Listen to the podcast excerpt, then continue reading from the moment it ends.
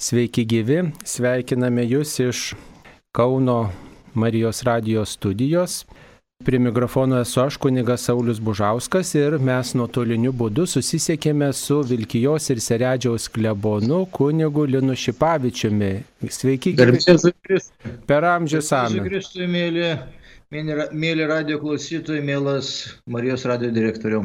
Mūsų ryšys geras, mėly klausytojai mus girdi. Džiaugiamės, kad galime net ir šiuo išbandymu laiku būti su jumis ir, mėly Marijos radio klausytojai, atsakinėti jūsų klausimus. Noriu priminti, kad kunigas Linas Šipavičius yra biblistas, verčia šventą įraštą, domisi šventojo rašto tekstais Taigi vienas toksai bendras klausimas, e, žinutė atėjo e, gerbiamam kunigui Linui. Šiuo metu jūs verčiate Naująjį Testamentą, nekantraudami laukiame jo, kada būtų galima įsigyti jūsų vertimą ir su kokiais tekstais dabar e, dirbate. Na, šitas projektas yra jau ketvirti metai vykdomos. Kiekvienais metais po vieną evangeliją, tai šiemet yra ketvirtoji evangelija pagal Joną Pirmosios trys jau yra išverstos Mato, Morkaus ir Luko.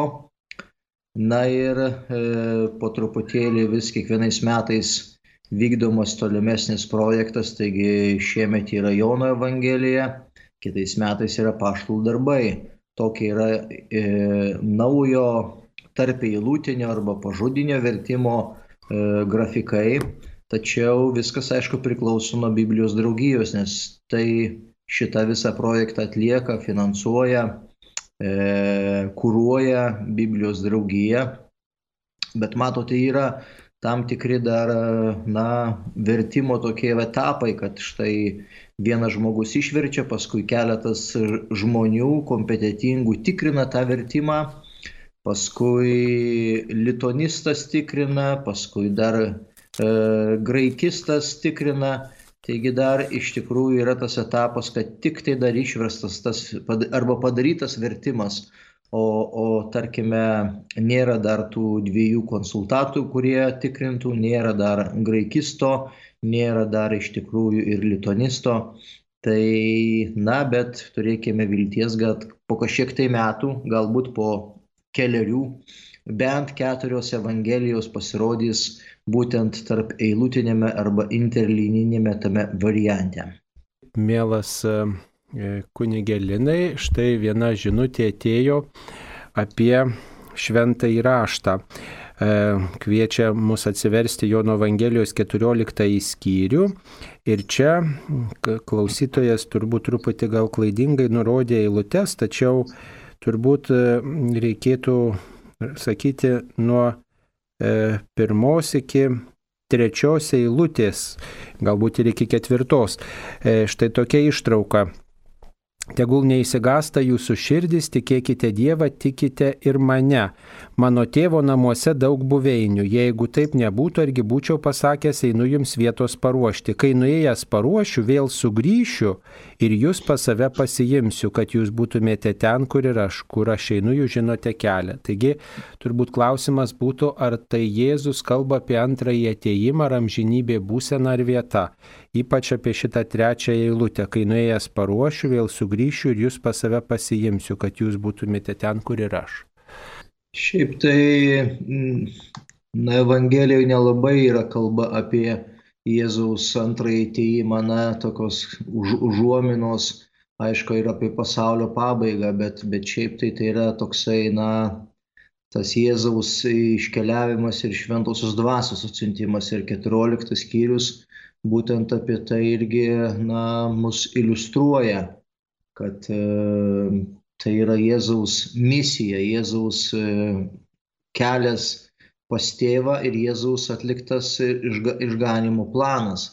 Tai čia labai iš tikrųjų apie tą antrą galbūt e, ateimą sudėtinga kalbėti, bet šiaip iš vis 14 skyriaus nuo pirmos iki 14 eilutės e, ta pastraipa yra vadinama Jėzus yra kelias pas tėvą arba, arba, arba dar galima e, įvardinti kaip įsakymas tikėti. Ir štai jeigu mes palygintume tik tai tuos vertimus, kuriuos turime, ką jūs skaitėte Česlovo Kavaliausko vertimą, tegul neįsigasta jūsų širdys mano galva, kad galima netgi, na, toksai įdomus e, veiksmažodis taraso, jisai turi nemažą reikšmių, bet galima pasakyti, te nepaskesta samyšėje jūsų širdis. Tikite į Dievą ir į mane tikėkite. Štai galima ir netgi ta, tokia e, forma išversti arba ten neįpuola, ten neįkliūva samišė jūsų širdis. Tikite į Dievą ir į mane tikėkite. E, šitas pats veiksmažodis e, sutinkamas Jono Evangelijoje, tame pačiame skyriuje 27 eilutėje, te nepaskesta samišė jūsų širdis, nei te, te neįsigasta arba Jono Evangelijoje 13 skyrius 21 eilutė, tai pasakęs Jėzus patyrė nerimą dvasioje ir paliūdėjo ir, ta, paliūdėjo ir tarė, amen, amen, sakau jums, kad vienas iš jūsų išduos mane. E, tas pažodis sinoptinėse evangelijose, mato Evangelija antras skyrius trečioji lūtė, tai išgirdęs karalius Erudas sunerimo arba sumišo arba išsigando, kaip mūsų vertėjai sako, o su juo ir visa Jeruzalė. Mato Evangelija 14 ir 26 eilutė. Pamatė jį einantį ežero paviršiumi, mokiniai nusigando ir manydami, jog tai šmėkla iš baimės ėmė šaukti. Lukas toliau kalba apie angelą, pamatęs angelą, Zacharijas sumišo ir, ir išgastis pagavo jį. Tai čia toksai, vat, jeigu mes iš šito pirmo, pirmo tokio, e, pirmos eilutės mes matome, kad tai toksai yra žmogiškas faktorius, kuris, na, įveda mus į tą tokią baimę. Ir toliau Evangelistas sako, mano tėvo namuose daug buveinių, antraip argi aš būčiau sakęs, eisiu jums vietos paruošti. Iš tikrųjų, čia kalbant, e, galima plėtoti netgi ir to E, guodėjo parakleto arba šventosios dvasios idėja, nes čia 14 skyrius apie tai kalba. Ir e, ta Jono e, reikia pasakyti, kad dar tokia neišgrininta, tokia dar neišlyginta ta teologija, nes tarkime jau pas sinoptikus, na ir apašal darbuose yra kalbama, kad parakletas arba šventoji dvasia, jinai ateina jau po Jėzaus įžengimo į dangų, Už tai, pažiūrėjau, Jono Evangelijoje mes jaučiame, kad e, Jėzus yra tas, kuris atsiunčia parakletą, tai yra šventąją dvasę. E, ir tas atsiuntimas įvyksta tuo met, kada Jėzus nueina ar ne pas tėvą. Ir čia iš tikrųjų, va šitas 14 skyrius, tai mes galėtume kalbėti ne apie Jėzaus antrą ateimą, bet apie parakleto, apie šventosios dvasios ateimą E, kurį iš tikrųjų suponuoja Jėzaus e, nukeliavimas pas tėvą. Taip, ačiū kunigui Linui. Dabar mes turime, mums paskambino, turime klausimą. Paskambino Joana iš Utenos. Taip, Joana, klauskite, jūs eterija. Garbėjęs Kristus. Per amžius. Aš dabar noriu paklausti, kai kūnigas aukoja mišis ir skaito iš mišiolo šituos žodžius, atminkime tuos, kurie pirmiau mūsų, pasa, pa, pirmiau mūsų paliko šį pasaulį ir miega ramybės miego. Kaip supras miega? Ačiū su Dievu. Taip, kunigelinai, turit kokių idėjų? Turiu, turiu idėjų. Viskas čia yra gerai. Čia yra paštlo Pauliaus terminas. E, dažnas iš tikrųjų jo laiškuose. E, kalba iš, apie mirusiuosius. Ir būtent mirusiuosius vadina e, tie mūsų broliai, tie mūsų seserys, kurie užmėgo ramybės miegu. Ir čia Paulius iš tikrųjų labai išryškina tokius du aspektus. Pirmas aspektas e, - tie, kurie užmėgo ramybės miegu, tai reiškia tie visi krikščionys, kurie įtikėjo Jėzų Kristų. Jeigu žmogus tiki Jėzų Kristų, jeigu jisai priima į savo gyvenimą, jeigu jisai gyvena bendruomenėje, jeigu jisai e, gyvena sakramentinį gyvenimą, jisai nemiršta, bet jisai užmiega ramybės miego. Ir tai iš tikrųjų atsispindi bažnyčios tėvų raštyjoje, tai atsispindi visoje toje pirmoje krikščionių e, bendruomenėje tie žmonės, kurie netiki Jėzų Kristų, kurie atmetė Jėzų Kristų, tie, kurie galbūt netgi ir persekiojo patį Jėzų ir jo visą e, bendruomenę, tie iš tikrųjų miršta.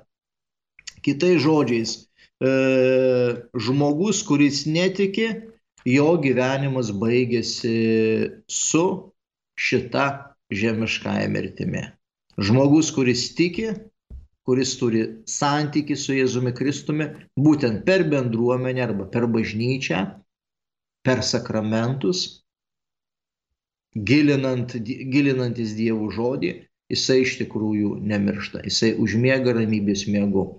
E, aišku, faktinai tai mūsų kiekvieno žmogaus kūnas miršta, bet mūsų siela yra nemirtinga ir jinai būtent keliauja pas viešpati Dievą. Ir tai yra tas ramybės užmėgimas. Tai iš tikrųjų labai nuostabus, labai teologiškas terminas, kurį verta, na, pamastyti e, ir verta apie tai kalbėti, kad mes visi tikintieji krikščionys iš tikrųjų užmigsime ramybės miego. Taip, ačiū. E, dabar dar vienas klausimas iš išėjimo knygos, e, apie išėjimo knygos vieną e, eilutę arba tiesiog vieną tokią ištraukėlę. Iš išėjimo knygos 25 skyriaus nuo 10 iki 22 eilutės. Išėjimo knyga 25 skyrius nuo 10 iki 22 eilutės. Ar Erodo šventyklos šventų švenčiausioje vietoje buvo malonės sostas, kaip parašyta mano minėtoje ištraukoje išėjimo knygą. 20... Na gerai, pabandom paskaityti tą išėjimo knygą, tai yra e, pasakojimas apie sandorų skrynę nuo dešimtos eilutės. Te būna padaryta iš akacijos medžio skrinė pustrečios uolekties ilgio pusantros uolekties pločio ir pusantros uolekties aukščio. Aptrauksi ją grynų auksų, pauksuosi iš vidaus ir iš lauko ir aplink uždėsi ant jos aukso apvadą. Nuliesi ją į keturis aukso žiedus ir pritaisysi prie keturių kojų. Du žiedus viename šone ir du žiedus kitame šone. Padarysi iš akacijos medžio kerteles ir jas pauksuosi. Kerteles įversi į žiedus, skrynio šonuose skryniai nešti. Kartelės liks nuolatos skrynios žieduose. Jos nebus iš jų ištraukiamos. Į skrynę padėsi sandorus plokštės, kurias tau duosiu. Tada iš grino aukso padarysi malonės sostą. Štai čia yra tas E, klausimas. Na ir dabar mes pasižiūrime, ką kalba Jurienas. Paskui turi padaryti atvožą iš grino aukso pustrečio masto ilgio ir pustrečio masto pločio. Na, Jurienas kalba būtent apie kažkokį tai atvožą. O čia mūsų e, prelatas Rupšys išvertė, tada iš grino aukso padarysi malonės sostą ir yra e, mums aluzija į laišką romiečiams, trečias skyrius, 25 eilutė. E, pustrečios uolektis ilgio ir pusantros uolektis pločio. Nukalsi iš aukso du kerubus, padirbsi juos iš kalstyto aukso prie abiejų malonės sosto galų padirbk vieną kerubą viename gale ir kitą kerubą kitame gale. Padirbsi kerubus sujungtus su malonės sostu prie abiejų jo galvų. Kerubai turės įskleistus sparnus ir savo sparnais dengs malonės sostą. jėdu bus vienas priešais kitą, bet jų veidai bus atgriežti į malonės sostą. Malonės sostą uždėsi ant skrynios viršaus, į skrynę įdėsiu sandoros plokštės, kurias tuodu duosiu. E, dabar pasižiūrėkime iš tikrųjų į mūsų sekantį vertimą. Dar turi padaryti du kerubus, turi juos padaryti iš kūjų nuplakto aukso abiejose atvožo galuose. Padaryk vieną kerubą viename gale, o kitą kerubą kitame gale. Padaryk kerubus iš vieno su atvožu abiejose jo galuose. Kerubai turi būti išskėtę sparnus aukštyn, gaubdami savo sparnais atvažą, o jo veidai turi būti atgriežti vienas į kitą. Į atvažą turi būti nukreipti kerubų veidai. Na šiaip e, sudėtinga mums dabar kalbėti apie Jeruzalės šventyklą ir kas joje buvo, nes e, tokių faktinių kažkokių tai e, detalių per daug nėra. Vienas yra tik tai aprašas pas Juozapą Flavijų apie žydų istoriją. Tai yra Jėzaus laikų amžininkas, kuris rašė būtent apie Izraelio istoriją. Ir jisai pasakoja tik tai tokį vieną niuansą, kada jau Romos imperija po m, e, nemažo E, tarpo mūšių užima iš tikrųjų Jeruzalę, įžengia romėnai į Jeruzalės šventyklą, įeina į patį vidų, įeina į visų švenčiausią vietą, kur tai buvo, na, žydų jau labiausiai garbinama, tai yra ten arba kadoš kadošim, e, arba arba debir hebrajiškai, tai yra du terminai, kurie kalba visų švenčiausia vieta, kur turėjo būti sandorų skrinė. Ir tenai nieko nerado, tik tai pilna voratinklių.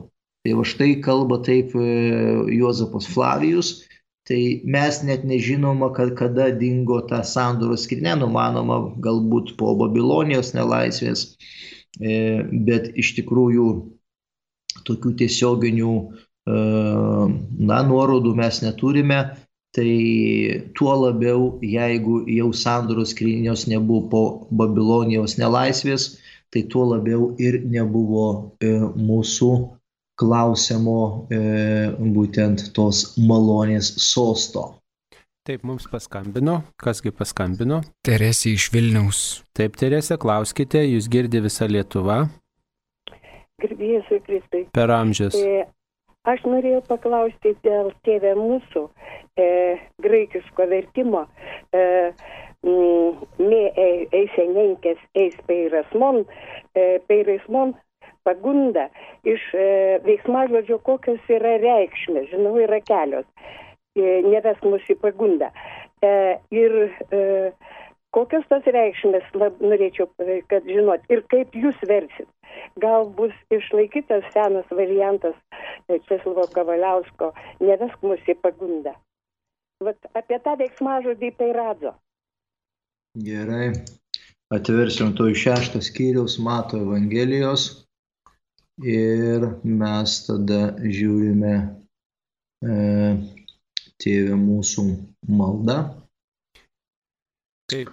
Tai kol jūs atsiversite, a, čia... Ta eilutė, šeštas skyrius, devinta eilutė ir e, mūsų pašnekovė klausia būtent apie tą pagundą.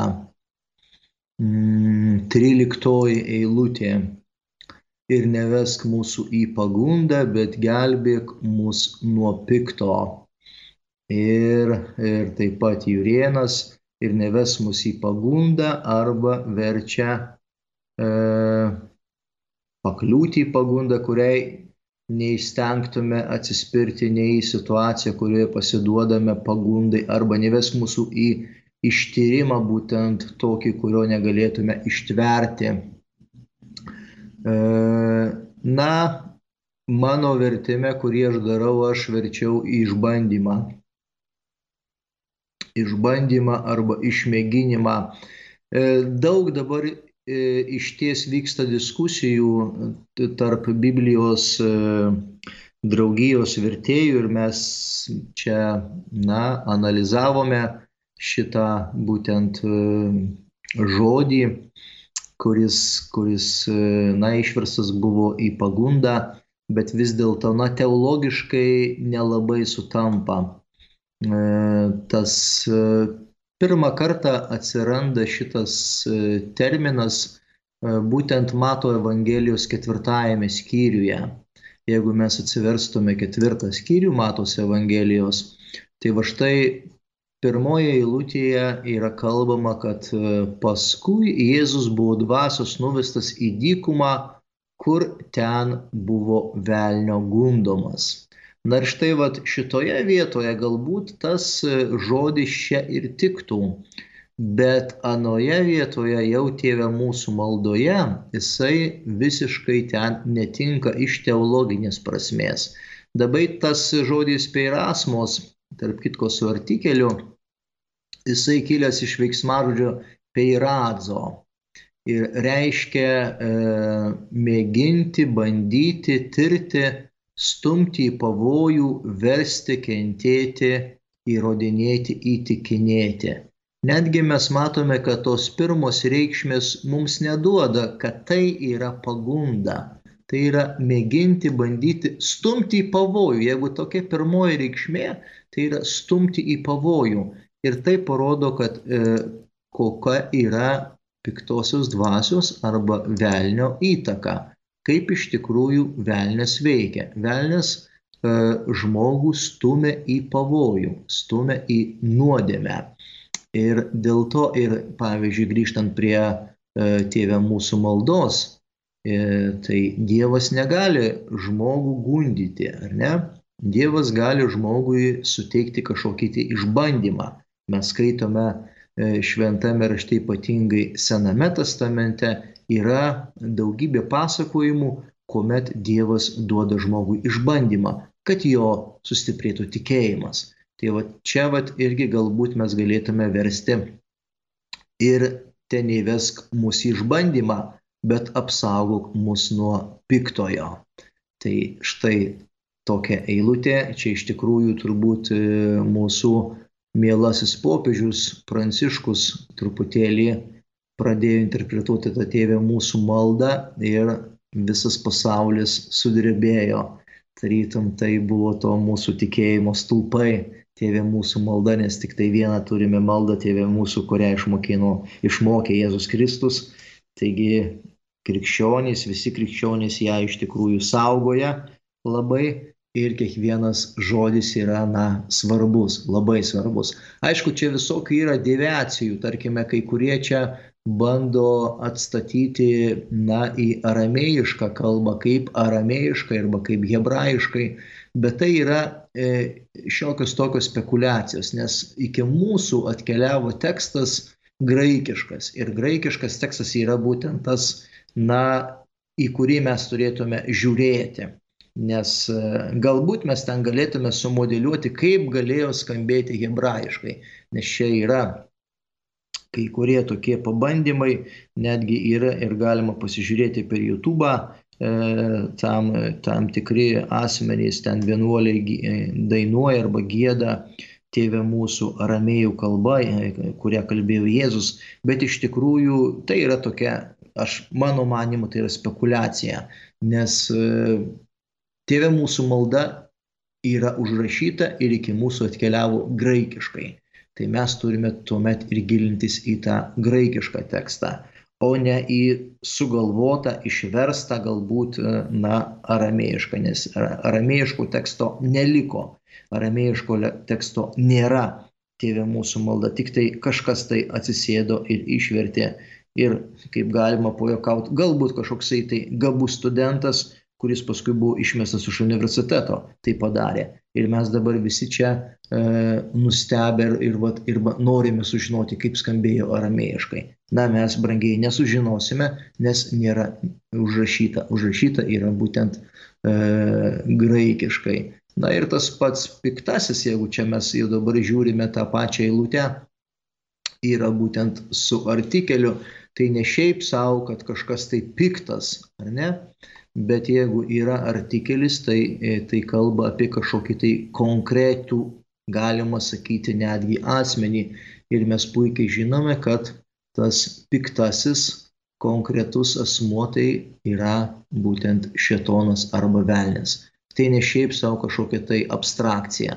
Tai yra būtent konkretus Dievo priešininkas, kuris visada kaltina na, žmogų prieš Dievą ir atvirkščiai iškreipia būtent žmogui Dievo veidą.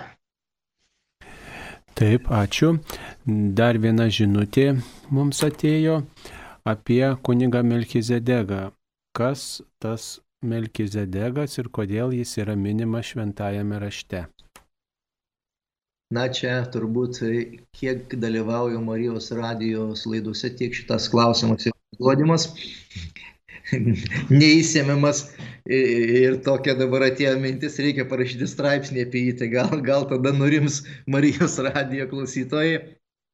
Tai iš tikrųjų tokia, na, mislinga asmenybė, kuri, kuri, kuri yra karalius, e, būtent ir kada Abromas E, susitinka su jam paukoja būtent auką. Tai, tai štai vat, e, toks, toks galėtų būti komentaras, bet šiaip tai reikėtų tada labiau prisėsti, pagilinti tas savo žinias ir parašyti kažkokį tai būtent straipsnį, bent į artumo žurnalą, kad tie tikintieji, kurie gyvena bažnyčios gyvenime, galėtų kažką tai perskaityti. Tai jis neblogas yra iš tikrųjų iššūkis iš šios dienos, iš šios dienos klausimo. Tai galėtume taip, taip kalbėti apie e, karalių Melkizadeką, kuris buvo teisus ir, ir kuris e, priėmė, žinai, auką. Ar tarp Senojo testamento autorių buvo rašytoja moteris? Na, sudėtinga čia kalbėti apie Seno testamento moters e, vaidmenį, nes, e, na, žydų istorijoje arba žydų kultūroje tikrai buvo nemaža atskirtis tarp vyro ir moters. Ir, sakykime, vieni atliko tuos tokius funkcinius, būtinius darbus, E, kurie lietė e, na, vyrą ir kurie lietė moterį. Ir e, netgi moters ta religinė išraiška buvo truputėlį kitokia, minimalistinė galėtume pasakyti, nes moteris privalėjo tik tai vieną kartą melstis per dieną, vyrai privalėjo tris kartus melstis į dieną Tai na labai didelė abejonė, kad, kad galėjo dirbti, nes tai yra iš tikrųjų, na, e, vyrų reikalas e, netgi susijęs su religiniu kultu, su, su tarnyste, o kaip žinome, na, moterys negalėjo patarnauti viešpatie šventykloje. Na ir katalikų bažnyčio taip pat mes mes e, neturime tokios funkcijos numatytos moterims, kas liečia su šventimais.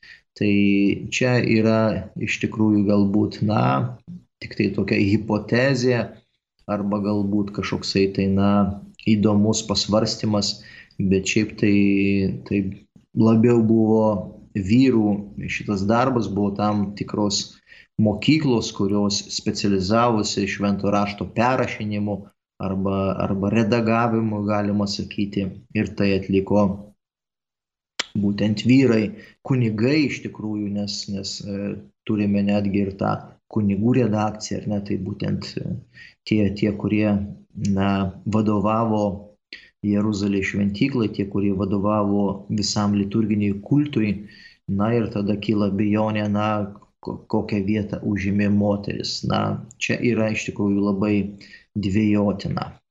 Giesmių giesmę kai kas priskiria moterį, moterį jos autorystę. Kaip apie tai, ką pasakytumėt? Na, nebent tas toksai e, žodinė arba lūpinė tradicija, tai aš, aš galbūt ir sutikčiau, bet, bet e, rašytinė tradicija arba užrašymas vis dėlto įvyksta tarp, tarp e, bendruomenės, tarp vyrų, tarp, tarp kunigų. Taip, mums paskambino. Paskambino Julius iš Kauno. Taip, Juliau, klauskite, jūs eteryje.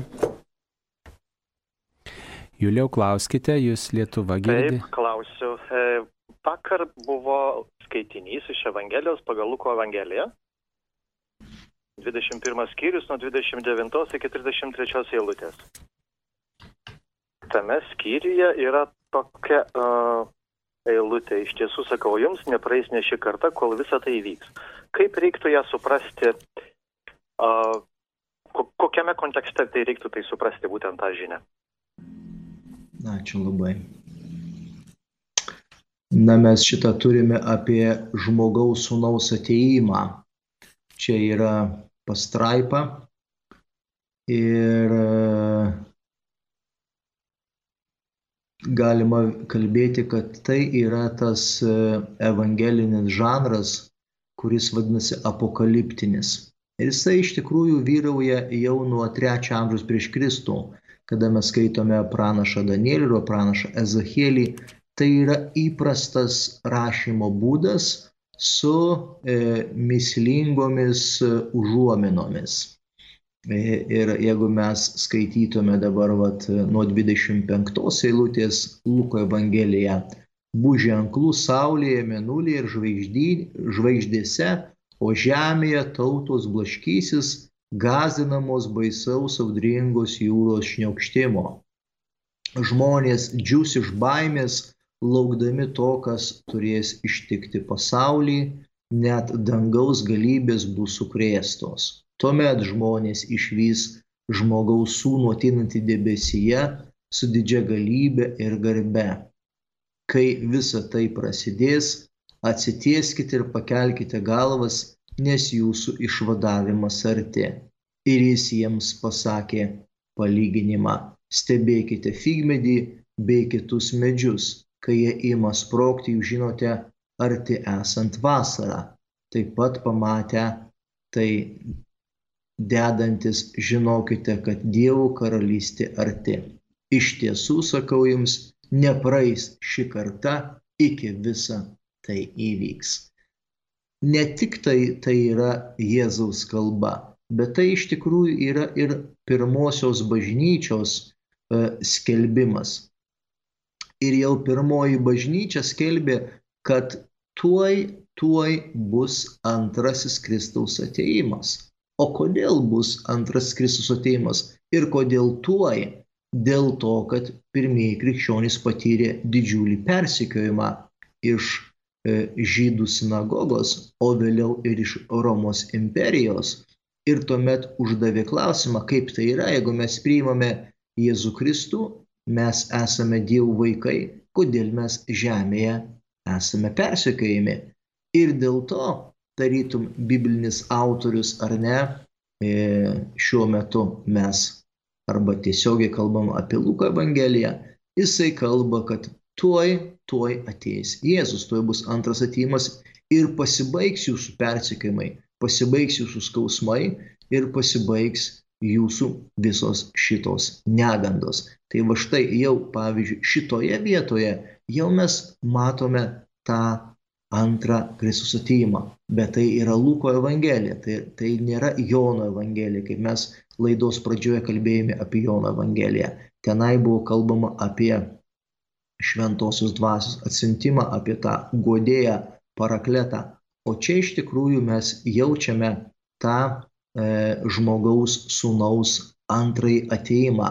Ir tai pasireikš paskui pas apaštalą Paulių laiškuose, kuomet apaštalas Paulius iš tikrųjų kovoja e, su ta nuostata, nes e, tikrai bendruomenės tikėjo, pirmosios bendruomenės krikščionių tikėjo, kad tuoj pat ateis Jėzus, antrą kartą bus pasaulio pabaiga ir jiems nieko nereikia rūpintis, nieko nereikia dirbti. Jie laukia Jėzaus ateimo. Taigi Paulius iš tikrųjų kovojo prieš šitą nuostatą.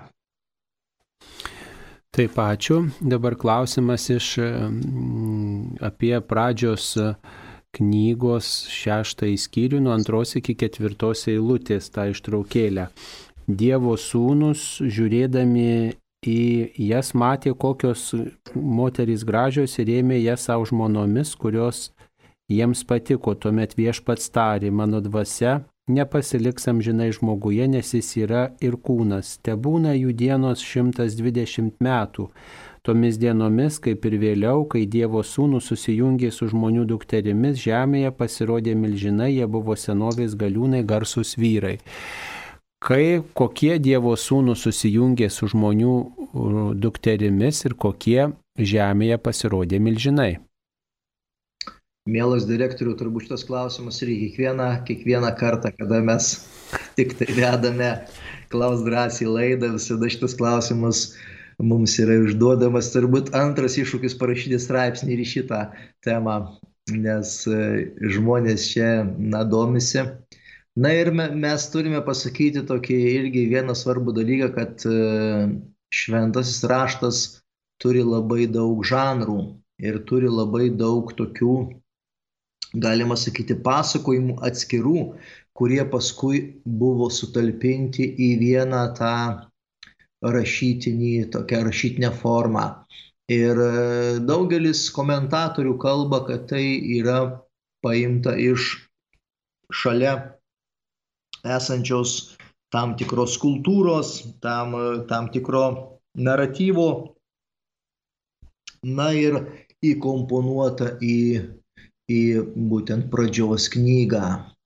Dangiškos būtybės arba dievų sūnus, kaip e, verčia mūsų Jurienas, žiūrėjos ir matė kokios jos gražios ir ėmė iš jų savo žmonomis tas, kurios patiko. Tuomet viešpas tarė, mano dvasia nepasilik žmonijai amžinai žmoguje, nes jis yra kūnas. Te trunka jų dienos 120 metų. Na čia tokios irgi mitiniai tokie pasakojimai, kurie e, gali būti sutinkami ir aplink gyvenusi tautose, kaip Babilonijos, kaip Asirijos, kaip e, Šumerų e, civilizacijose.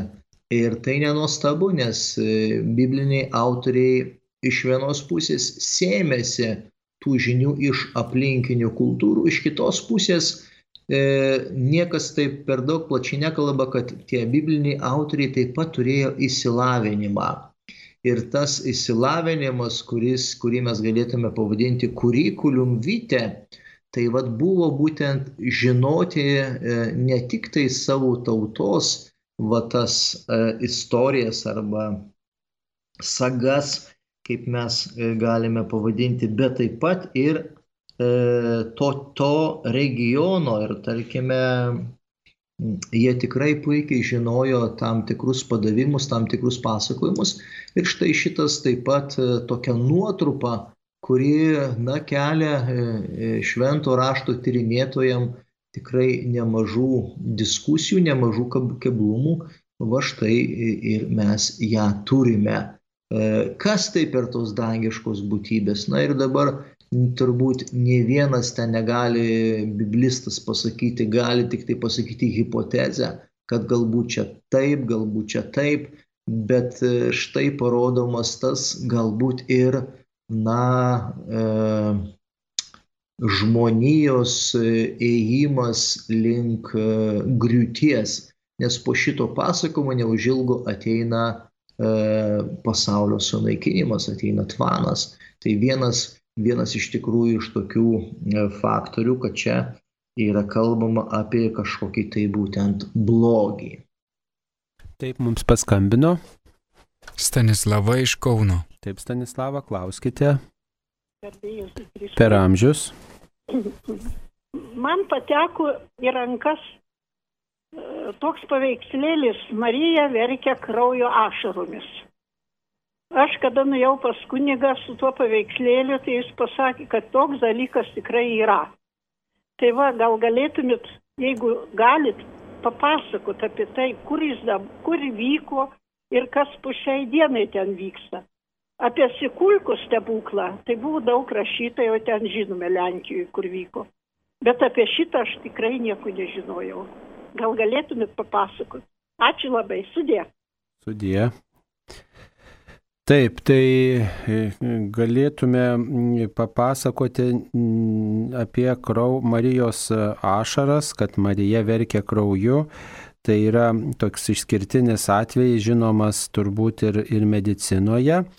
Tačiau, kiek man žinomas, Sirakūzose yra e, tokia skulptūra, kuri e, vaizduoja mergelę Mariją ir e, Marija E, verkia tokiom ašarom, kraujo ašarom. Tai e, klausimas, kodėl Marija verkia e, ir, ir ar tai reiškia tikras kraujas. Tai žinoma, keli tokie atvejai Ir, ir reiškia, Anglijoje yra tokia Marijos skulptūra. Nu, tai matot, čia yra iš skirtingų amžių, iš skirtingų tokių na, tradicijų.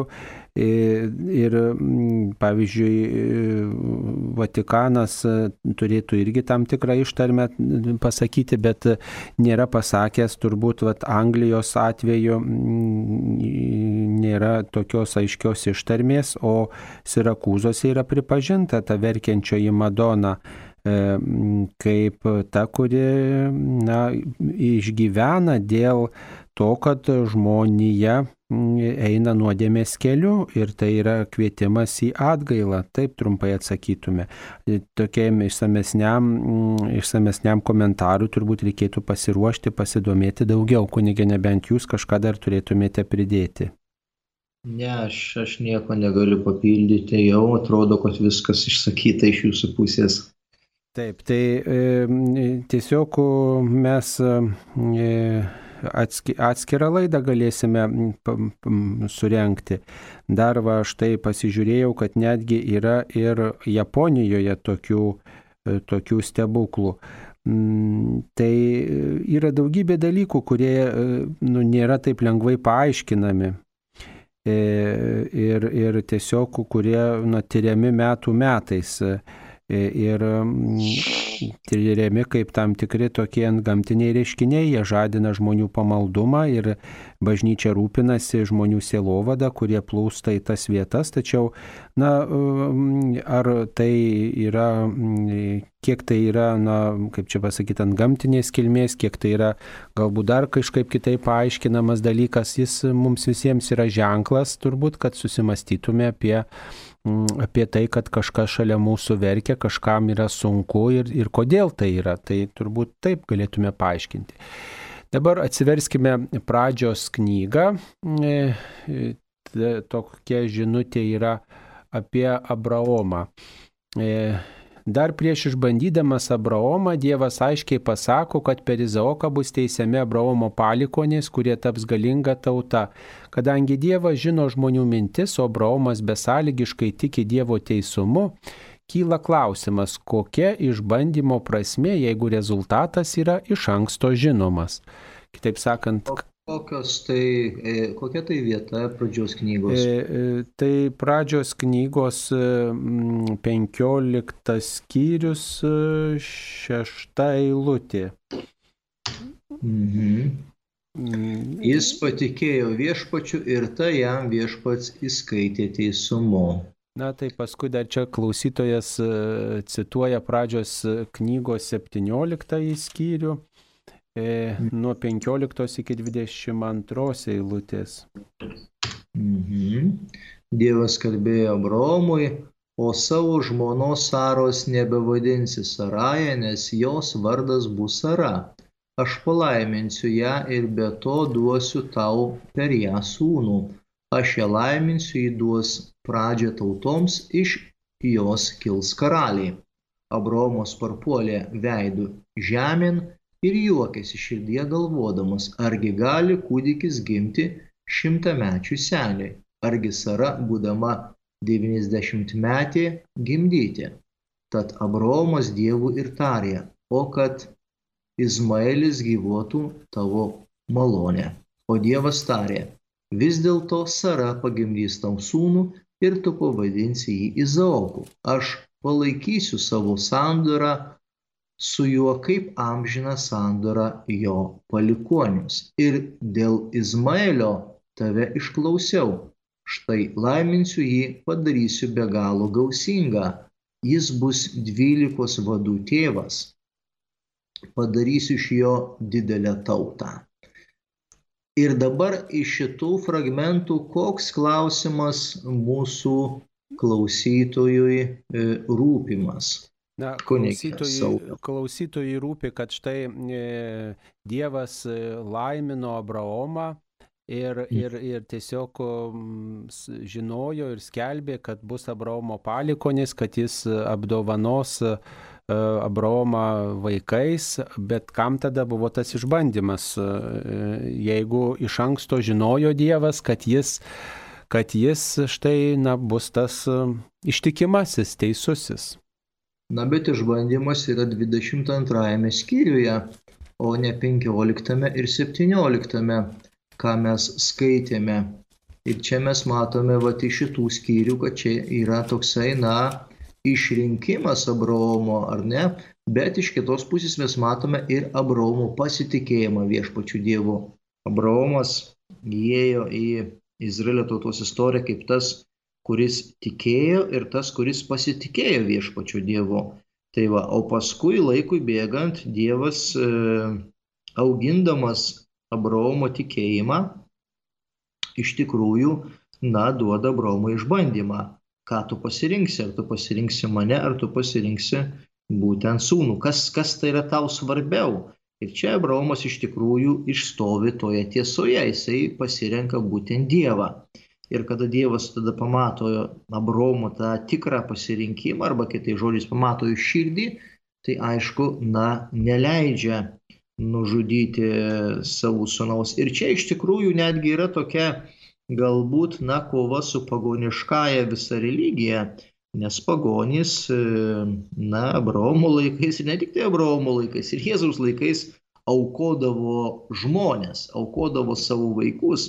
Ir čia yra tas vat, e, naratyvas arba tas kalbėjimo būdas, kad Izraelio Dievas nėra žiaurus, Izraelio Dievas nereikalauja iš žmogaus, kad jisai aukotų savo vaikus, bet jisai reikalauja ištikimybės. Ištikimybės sandoros atžvilgių. Tai mes galėtume va štai pasižiūrėti, o ne taip, kad kam, kam reikėjo čia to, nes ir tai buvo viskas numatyta. Tai yra toksai truputėlį klaidingas mąstymas, nes žmogus turi laisvą valią ir jisai gali pasirinkti. Ir Abraomas taip pat galėjo pasirinkti, pažiūrėjau, neišeiti iš Urchaldėjos, galbūt e, nepaklausyti Dievo ir likti tenai su savo, su savo na, šeimos nariais, kuriais buvo. Tai čia vat, taip galima irgi diskutuoti, bet iš tikrųjų ta išganimo istorija taip va, būtent pasisuko. Taip, Taigi nu. nepamirškime, kad žmogus turi laisvą valią ir turi laisvą ap- apsisprendimą, pasirinkimą ir jisai negali e, na, vykdyti kaip kažkoksai tai robotas arba kaip mašina visus Dievo, na, tuos paliepimus. Taip, ačiū. Mums, turi paska... atsakyti. Mums paskambino. Paskambino kunigas Jonas Katulis. Taip, kunigai. labai tokie vaikiškas klausimas, bet man kažkaip vis įdomu, kokią prasme, simbolį ar nau- naudą turi tas dviejų balandukų aukojimas. Kas toksai? Dviejų balandėlių aukojimas. Paukojo purplelius, balandėlius, kitaip sakant, čia kaip e, šventykloje buvo. Jėzaus, Jėzaus e, apipjaustimo šventėje. Taip, Tai yra, tai yra ma- mažiausia auka, kuria buvo reikalaujama iš, žmonių, tokių galima sakyti neturtingų žmonių, e, už, už sakykime, na, san, sandoros tokį įgyvendinimą, nes e, naujagimio arba pirmgimio naujagimio aukojimas šventykloje tai yra būtent, na, prisiminimas sandoros Ir aišku, padėka viešpačių Dievui, kad e, susilaukė palikuonį, susilaukė naujos gyvybės. Ir e, Mozės įstatymė yra numatyta paukoti, na, du purplelius arba balandėlius. Mes galime galbūt pasižiūrėti į tą Luko Evangeliją pačią, pačią pradžią. Na, mes atversime Luko Evangeliją berots antras skyrius, e, taip, nuo 21 eilutės praslinkus aštuonioms dienoms, kai reikėjo apipjausyti berniuką, jam buvo duotas Jėzaus vardas, kurį angelas buvo nurodęs dar prieš jo pradėjimą iščiose. Pasibaigus Mozės įsakymų nustatytoms apvalymo dienoms, Juozapas ir Marija nunešė kūdikį į Jeruzalę paukoti viešpačiui. Kaip parašyta viešpaties įstatymė, kiekvienas pirmgimis berniukas bus pašvestas viešpačiui ir duoti auką, kaip pasakyta viešpatys įstatymą, porą purplelių arba du balandžiukus. Ir štai šita eilutė Luko Evangelijos antros skyriaus 24 eilutės, jinai mus siunčia į šeimo knygą. 13 skyrių antrą eilutę. Pašventink man visus pirmagimius, kas tik tarp izraelitų pirmas atveria motinos iščias, žmogaus ar gyvulio vaikas, tai yra mano. Na ir štai E, šitas fragmentas mums e, atveria akis, kad tai yra, na, viešpačiui e, padaryta auka. Taip, ačiū. Dabar kviečiame atsiversti e, kuniga Luko Evangelijos e, trečiąjį skyrių nuo 23 iki 37 eilutės. Žodžiu, klausimas bus apie šitą ištraukėlę. Trečias skyrius, kokia eilutė? Nuo 23 eilutės. Čia apie Jėzaus kilmę. O kol jūs atsiversite, aš trumpai atsakysiu į, šit, į kelis klausimus. Noriu paklausti, ar prieš trumpą maldą reikia persižegnoti, ar galima nesižegnojus kreiptis į viešpatį, kažką sakyti, tik persižegnojus. Iš tiesų, e, mes žegnojamės dažniausiai prieš ilgesnės maldas, kai susirenkam draugė melstis, kai ilgiau melžiamės, o kai mano malda yra trumpa, strėlinė arba trumpai kažką noriu pasakyti, galima ir nesižegnoti. Pavyzdžiui, Šventasis Jonas Paulius II, kiek teko girdėti iš daugybės žmonių, ir, ir, ir keletą kartų ir pačiam matyti, kad jis tiesiog praeidamas pro koplyčią savo rūmose, e, tiesiog suklubdavo adoraciją ir nesižegnodavo, suklubdavo maldai prieš švenčiausiai sakramentą ir trumpai pasimelsdavo, arba ilgiau pasimelsdavo, arba pavyzdžiui žmogus, kuris kalba Jėzaus maldą, viešpatie Jėzau pasigailėk manęs nusidėlių irgi nesižegnoja. Tai tiesiog yra, e, na, tokia maldos būsena, kada aš tikrai, na, puolu į viešpaties glėbį be jokių įžangų ir tiesiog trumpai drūtai pasakau, nes tas e, persižegnojimas reiškia vardan ko mes susirenkam, vardan ko vyksta mūsų susirinkimas. Dažniausiai tai yra, kai keli žmonės meldžiasi, kai grupė, kai vienas žmogus meldžiasi, tai aišku, mums tai yra tokia pradžia, pabai, stojimas Dievo akivaizdon, bet e, ne visada tas turbūt mums čia ta tokia įžanga, jinai visa reikalinga. Kartais tai yra sunku, blogai tai mes tiesiog šaukėmės viešpaties ir tiesiog be jokių įžangų. Dieve padėk tiesiog puolam tiesiai, be jokių aluzijų, be jokių tokių užuolankų. Taip, kunigė, jūs turbūt jau atsivertėte ištrauką. E, e, Luko Evangelija, trečias skyrius, nuo 23 eilutės iki, e, iki, iki, iki 38. Klausimas. Kaip jūs pakomentuotumėte šį Jėzaus giminės dinastijos sąrašą? Čia yra išvardinti Jėzaus tėvas, senelis, prosenelis ir protėvis Adomas. Na, reikia pasakyti pačioje pradžioje, kad e, sąrašas arba genealogija e, tais laikais buvo labai svarbus dalykas. Ne tik tai Jėzaus laikais, bet tarkime ir karalių laikais. Ir įsivaizduojame kokį dalyką, jeigu, pavyzdžiui, karalius pamirždavo savo genealogiją, iš ko jisai gimęs ar ne, kas jo yra tėvai, kas yra jo protėviai, kas jo yra prosenelė ar ne, iš jo galima buvo atimti karaliaus sostą. ir netgi buvo galima nužudyti. Tai kokią turėjo svarbą būtent ta genealogija. Dėl to, pavyzdžiui, tiek Luko Evangelijoje, tiek Mato Evangelijoje yra e, surašyta Jėzaus genealogija arba kilmės knyga, arba galima sakyti, na, protėviai visi.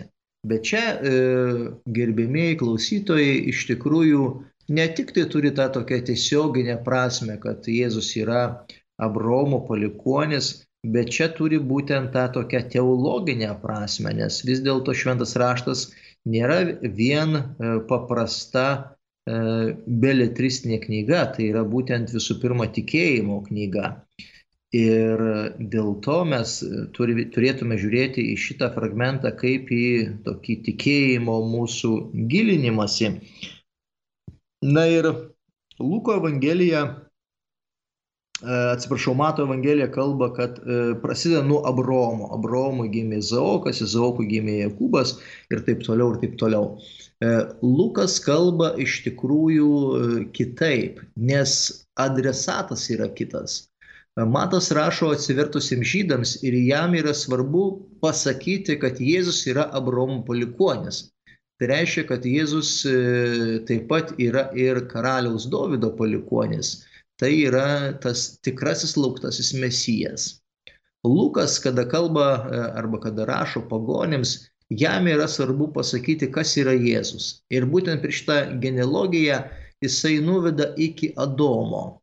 Ir tai reiškia, kad Jėzus ne tik tai yra Dievas, ne tik tai yra Dievas mus, bet tai reiškia, kad jisai yra ir žmogus. Nes Jėzus sieja arba tapatina su pirmuoju žmogumi, su Adomu. Taigi štai yra tokios dvi teologijos kryptys. Pirmoji teologija ta, kad e, Jėzus yra Mesijas, Abraomo ir Davido palikonis, tai yra Mato Evangelija. O štai Luko Evangelija mus e, nuveda iki pirmojo žmogaus, iki Adomo, kuris e, simbolizuoja visą žmoniją ir tai parodo, kad Jėzus iš tikrųjų turi dvi prigimtis - žmogiškąją ir dieviškąją prigimtį. Taip, ačiū. E, dar vienas klausimas, kiek maldų reikia sukalbėti užmirusi per dieną, kad tos maldos suteiktų pagalbą. Tai labai sunku turbūt mums pasverti, kiek maldų reikia sukalbėti ir turbūt niekas į tai negali atsakyti. Tiesiog mes kalbėdami maldas užmirusius, mes išpažįstam savo tikėjimą, amžinuoju gyvenimu ir tokiu būdu kviečiam viešpatį, amžinybės šeimininką, kad jis teiktų amžiną gyvenimą iškeliavusiems. Tokiu būdu solidarizuojamės su tais iškeliavusiais ir į bendrystę jungiamės. Tai svarbu, kad kiekvieną dieną prisimintume, kad ir trumpa malda, bet su gyvu tikėjimu tikėjimu nuoširdžiai. Ir kiekvienose mišiuose, kai dalyvaujame, taip pat prisimename savo mirusius. Dabar padarysime pertraukėlę, netrukus susitiksime eteryje ir mes gyvai. Čia Marijos radijas.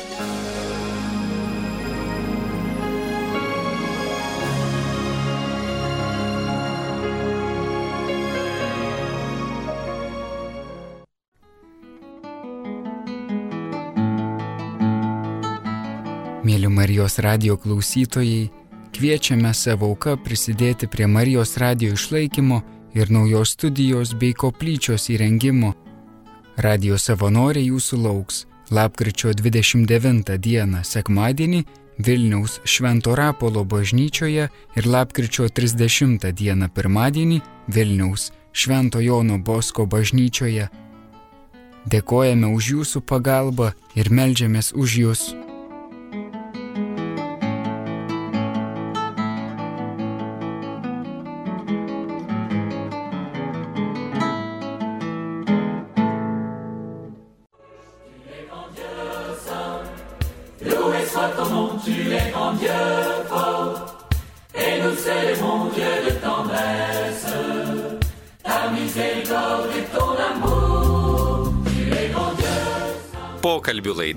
Klausk drąsiai.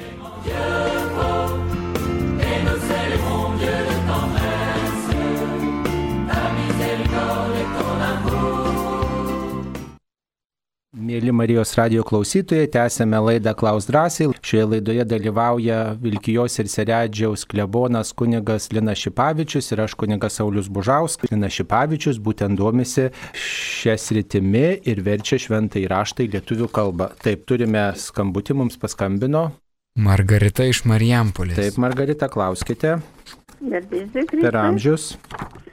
Pirmiausia, vis padėkoju už jūsų laidas, jos yra labai mums reikalingos, ypač šiuo laiku, kada ta mūsų lyga baisioji siautėja.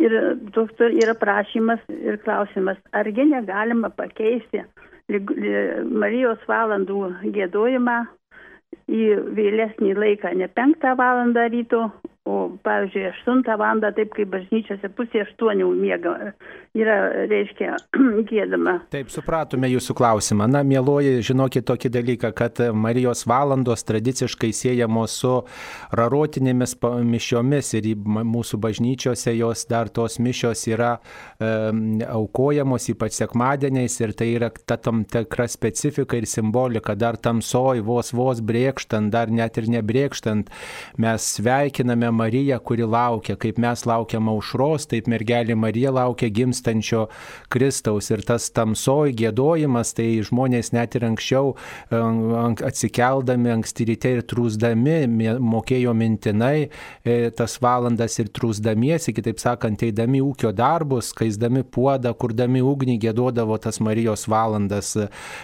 eidami prie gyvulių netgi gėdodavo Marijos valandas ir patamsi tiesiog tas yra labai simboliška. Mes visi norim patogumų, jau pusę aštuonių, aštuntą jau, jau šviesa ir mes, kaip sakant, tada visi norim patogiai, jau namuose, kas, kas, kas dar lovoje kuičiasi arba jau keliasi pamažu, gali, gali tiesiog, na, va, tokiu būdu jungtis į šitą maldą. Tikrai e, ligoniai anksti nubunda, vyresni žmonės, kuriems šita malda yra brangi, anksti kelias ir tikrai kviečiam tą simboliką tokią išgyventi. Dar vienas klausimas apie e, pagalbą Marijos radijui. Tikrai šiuo metu Marijos radijas mažiau renka aukas, nes e, tiesiog daugelį žmonių norime apsaugoti ir savanorius, ir tuos aukotojus, tačiau galime Marijos radiją paremti telefonu 1622 ir klausimas, kokias sumos auka tenka Marijos radijui. Taigi paskambinę 1622 telefonu, jeigu skambinate iš Tele2 arba iš Telija tinklo, jūs paukojate 3 eurus. E, ne visi 3 eurai tenka Marijos radijui, nes yra tos įmonės taip nustačiusios, kad tam tikra dalelė lieka tą įmonėje už administravimą. Taigi beveik 3 eurai, nepilnai 3 eurai tenka Marijos radijui, jeigu jūsų mm, skambutis štai yra iš te, telefonu 1622 ir jeigu jūs e, esate vartotojai telija fiksuoto ir mobilaus tinklo arba Tele2 mobiliojo tinklo vartotojai. Taip trumpai atsakytume į jūsų atsiųstą e, klausimą. Dar vienas e, klausimas yra mums dabar turbūt bus užduotas telefonu. Dar kartą paskambino Julius iš Kauno. Taip, Juliau, klauskite. Klausimas bus iš trečiadienio Evangelijos pagal Luką. Buvo iš 21 skyriaus nuo 12 iki 19 eilutės buvo bent jau mišių metų skaitama. Ir ten yra toje iš tame skaitinėje, kad ten bus baisu, žmonės pakels prieš jūs rankas ir tai ten išvardina, kas ir bus. Bet yra toks sakinys, kuris šiek tiek prieštarauja logikai ir kaip tai būtų galima suprasti. Kad uh, Pacituokite, pacituokite, jei galite. vis dėlto ne vienas plaukas nuo jūsų galvos nenukris. Išvardina, kad žudys, a, kad juos tasys po sinagogas, bet to pačiu yra tas sakinys. Ne vienas plaukas nuo jūsų galvos nenukris. Kaip tai suprasti visą tą tokį kontekstą? Taip, jūs kalbate apie Luko Evangelijos 21 skyrių. 18 eilutė. Taip, 18 eilutė. Vis dė, Ačiū. jūs išdavinės tėvai, broliai, giminės, draugai, kai kuriuos net žudys 16, 17 visi jūsų nekes dėl mano vardo, o 18 eilutė parašyta vis dėlto neplaukos nuo jūsų galvos nenukris. Savo ištvirmę jūs išlaikysite savo gyvybę. Na va, tai čia yra irgi vėl e, tokios dvi dvi realybės, ar ne, tas kaip ir tokia, na, pasaulio pabaigos realybė, tokia, na, evangelistas kalba tą tokia, kaip mes jau čia buvome susidūrę apokaliptinė kalba, bet parodomas iš tikrųjų, na, mokinių tvirtumas. Jeigu mokinys pasitikė viešpačiu Dievu, tuomet, tuomet jam niekas negali nutikti. Ir čia vat, e, netgi kalbėjimas tiems pirmiesiams krikščionims, pirmiesiams mokiniams, kad net kristi nuo tikėjimo. Nes mes žinome iš bažnyčios istorijos, kad nemaža mokinių, kada įvyko persikojimai, jie paprasčiausiai atkrito. Ir čia yra kalbėjimas Nesvarbu, kas įvyktų, nesvarbu, kas būtų, kad ir pasaulio pabaiga, bet jūs turite išlikti ištikimi savo įsitikinimams, savo įsipareigojimams, ištikimi viešpačiu Jėzui, Jėzui Kristui. Ir dėl to, tarytum, čia toksai vat, ir, ir pastiprinimas, kad vis, visi jūsų nekes dėl mano vardo, vis dėlto ne vienas plaukas jūsų galvos nenukris. Na, tai yra kalbama, kad Dievas apsaugos. Dievas apsaugos e, tą žmogų nuo bet kokios nelaimės, nuo bet kokio suspaudimo, jeigu tas žmogus e, pasiryš gyventi su viešpačiu Dievu, kad jisai neįsižadės. Ir mes dabar, aišku, po 2000 metų skaitome ir mums atrodo, kad čia yra mislinga. Bet jeigu žvelgtume į pirmųjų amžių bažnyčios istoriją, tai tikrai nemaža dalis tų tikinčiųjų atkrito. Atkrito būtent, kada buvo persekiojama krikščionybė iš sinagogos pusės, atkrito, kada krikščionybė buvo persekiojama būtent iš Romos imperijos pusės. Ir dar galbūt labiau iš Romos imperijos, nes e, romėnai reikalavo, kad krikščionys atsisakytų savo tikėjimo, kad jie paukotų e, pagoniškiesiems dievams ir taip pagarbintų imperatorių ir, ir jų e, pagoniškus stabus. Ir kai kurie žmonės tai sutiko ir tas atkritimas va būtent e, yra kalbama, o čia akcentuojama, kad kas beivyktų, kas bebūtų, vis dėlto jūs privalote arba esate pakviesti būti ištikimi, ištikimi Dievui. Ir dėl to, jeigu jūs busite ištikimi Dievui, nuo jūsų nei vienas nenukris plaukas. Tai yra tokia, na, galima sakyti, hiperbolė arba, arba galima sakyti, tai yra e, tokia idioma Naujojo Testamento, toksai posakis, jis yra dažnai sutinkamas Evangelijose.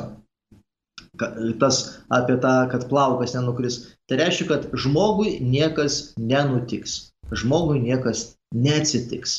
Bet paskui ta 19 eilutė iš tikrųjų yra dar svarbesnė. Savo ištvermę jūs išlaikysite savo gyvybę. Arba kaip Jurienas sako, savo ištvermę laimėsite savo gyvybės, ar ne? Tai reiškia, kad žmogus tą ištvermę arba kantrumu, kantrumu netgi galima versti štai E, mano vertimas padarytas kantrumu, jūsų įsigysite gyvybę savo. Gyvybė arba sielas, nes pažodžiui čia kalbama apie psiche, apie sielas. Kantrumu reiškia e, Evangelija būtent akcentuoja tą žmogaus kantrumą. Kantrumą, ištvermę. Tai būtų toks atsakymas. Taip, mums paskambino. Antanas iš Kauno. Taip, Antanai. Klauskite. Labą dieną. Pas mane būtų toks klausimas. Taip. Teko ne vieną kartą girdėti diskusiją, kur yra diskutuojama, kad po Biblijoje yra konkrečiai parašyta taip ir taip. Ir dėl kažkokio tai žodžio tikslumo. Iš norėjau paklausti, iš kur yra tai žinoma, jeigu nėra išlikę originalo. Kaip tiksliai tas žodis skambėjo. Taip. Tai va, toks mano būtų klausimas. Ačiū, ačiū. Bet dabar įdomus e, tas klausimas, e, apie kokį mes originalą kalbame. Apie Atsiprašau. Nu, apie gal... kokį originalą mes kalbame, nes jeigu kalbame apie Jėzaus kalbos originalą, na tai tas originalas iš tikrųjų jisai, na, vystėsi. Čia turbūt reikėtų pasakyti, kad o, o, na, tie originalai, iš kurių verčiama, e, jie, jie yra, iš kurių verčiama. Aš toj, toj, nes mes kalbėjome apie tėvę mūsų maldą, tai tėvė mūsų maldos originalas yra būtent e, graikų kalba. Geriau kavos ir papuolė man į, į tą, į tą gerklę. Atsiprašau, labai visiems. Tai va, tai jeigu mes kalbame apie, apie Jėzaus žodžių originalą, kaip čia irgi, bet tai yra toksai, na, irgi gan toksai neteisingas mokymas. E, originalo kalba, Naujas testamentas yra graikų kalba. Ir mes turime būtent rankraščius. Rankraščių yra 6000 beveik, 5500 skirtingų rankraščių. Tai mes turime nuo 50 metų iki, iki, iki tarkime, kokio 12 amžiaus tuos rankraščius ir mes juos galime palyginti. Ir mes galime matyti, kaip vystėsi rankrašiai, kaip vystėsi būtent tas samoningumas krikš, krikščionybės. Tai čia nėra jokios abejonės, kad mes neturime originalo. Mes turime originalą, kuris buvo surašytas. Yra prielaidų, kad, tarkime, buvo, na, kažkokios tai pir, pirmi bandymai, pir, pirmos versijos, na, aramėjų arba hebrajų kalba. Ir tai kalba, kad ir papijas E, kuris e, maždaug rašė apie šimtus metus, kad buvo surašyta, pavyzdžiui, Evangelija pagal matą e, hebrajiškai. Bet tai yra tik tai tokios hipotezės, bet kas išlikė iki mūsų, iki mūsų laikų arba, arba pilnas jau redakcinis tas ta form, formatas yra graikų kalba. O graikų kalba mes, brangiai, viską turime Tai manau, manau, kad taip ir, ir visada mes e, atsiriamėme į originalų kalbą. Tik tai vėlgi, na, vat mes turime čia tų diskusijų ir su Biblijos draugija, ir su, ir su, su kitais asmenimis. E, na, originalas yra gerai. Originalas ir originalų kalbą yra žinoti gerai. Bet kartais ta originalų kalbos žinojimas arba origina, iš originalo iškeltas žodis jisai mums dabartiniam e, gyventojui, lietuviui, dabartiniam žmogui, jisai kartais nieko neprabyla. Mes turime žinoti ir, sakykime, ką ar tas žodis, ar tas, sakykime, na, savoka, keletas žodžių sudur, sudūrimas, ką jisai iš tikrųjų reiškia. Nes yra perifrazės, yra, yra būtent e, perkeltinė prasme, yra pasakyti vat, žodžiai, kaip vat, ir mes ką tik tai kalbėjom, kad nei vienas jūsų plaukas nenukris nuo galvos. Ką tai reiškia va šitą pasakytą aluzija, ne? Tai reiškia, kad jums nieko nenutiks. Tai ne tik tai reikia žinoti graikų kalbą arba, arba jos gramatiką, jos žodynus, bet, bet reikia žinoti būtent ir tą vat konkrečią kažkokią tai, na, e, sinonimiką. Taip, ačiū. Kol jūsų gerklė atsigaus, išgersite vandens, aš atsakysiu kelis klausimus. E, minimos mirusiojo metinės, sėdant prie kviestų vaišių, kokius poterius reikia sukalbėti. Paprastai kalbama tėvė mūsų, sveika Marija, garbė Dievui tėvui E, galima sukalbėti tikiu Dievą tėvą ir amžiną į atilsi. Galima taip pat sugėduoti arba sukalbėti viešpaties angelo maldą. Čia jau jūsų pasirinkimas. Svarbu, kad žmonės melstusi e, prie e, vaišių stalo ne tik tai sėstų ir valgytų, bet ir taip pat melstusi už amžinybę iškeliavus ir taip pat prašytų viešpaties, kad palaimintų stalą. E, Vilniaus šventųjų Petrų ir Povilo bažnyčia tokia yra, ar čia tas pats apaštalas Paulius? Taip, tai tas pats apaštalas Paulius, tik tai Povilas čia tokia suslavinta forma yra, kuri vartojama ir mums tiesiog yra, e, na tai prigijusi tokia. taip mes ir įpratome, taip ir vartojame. Bet Paulius ir Povilas yra tas pats žmogus. Ar sekmadienį pradedame adventą? Iš tiesų, adventą jau pradedame šį vakarą, advento išva, sekmadienio išvakarėse. Kam skirtas adventas? Ar adventas yra tas laikas, kai sielos laukia ir atgailoja dėl gimimo? E, na tai klausykitės Marijos radijo ir šį vakarą dar bus advento aptarimas, pristatymas šitoj laidoj tikrai neskirsim tam laiko, o sielos laukia ir atgailoja dėl gimimo, dėl gimimo nereikia atgailoti, reikia dėkoti Dievui, kad viešpats pašaukė mus būti šiame pasaulyje. E, ir viešpats mus laimina ir dovanoja gyvenimą. E, Taip, dabar jau kunigas e, gali toliau tęsti mums padėti atsakyti į klausimus. Psalminė yra toksai žodis sela, ką jis reiškia, kodėl ne visose psalmėse yra. Čia turbūt muzikos instrumentas. Čia yra muzikinis e, ženklas. Muzikinis e, ženklas. Taip. Muzikinis ženklas, kuris, kaip gėdodavo psalmę, pritardavo Ir tai iš tikrųjų, na, mums iki šiol dabar, nu, neaišku, kas tai per ženklas, bet, bet tas selia, jisai yra kai, kai kuriuose šalia prirašyta psalmėse. Taip, ačiū mums paskambino. Lydija iš Kauno. Taip, Lydija, klauskite. Taip, klauskite. Labadiena. Labadiena. Norėjau paaiškinimo Išjunkite savo radio imtuvą, mėloji, išjunkite radio imtuvą. A, tai aš jūsų tada negirdėsiu. Negi reikia, jūs klauskite. Gerai. Mūšyje Jefatas Jefti laimėjo, jis buvo pažadėjęs Dievui, kad jis paukos pirmą, kas jį pasitiks iš miesto. Ir kaip tik išeina pirma jo vienintelė dukrelė ir jis labai susisilojo pradėjo dėjuoti, bet mergytė sako, ne tėvelį, jeigu Dievui pažadėjai, tai ir įvykdyksi tą. Tik jinai paprašė, kad dar leistų į 30 dienų su mergytėmis apverkti jaunystę. Koks tolimesnis jos likimas, ką tai reiškia, ar kaip kabaravomo auka, ar kur bus išvaryta į kalnus, nes toliau nėra pasakyta, ką tai yra tas apverkimas jaunystės ir koks jos likimas. Norėčiau žinoti. Taip, ačiū. Taip, kunigė, gal jūs čia kažką galėtumėte. Teisėjų knyga čia yra apie Jeftės auką. E, mūsų klausytoja užduoda. E, būtent e, prasideda nuo 17 eilutės. Yra pasakojimas apie Jeftę.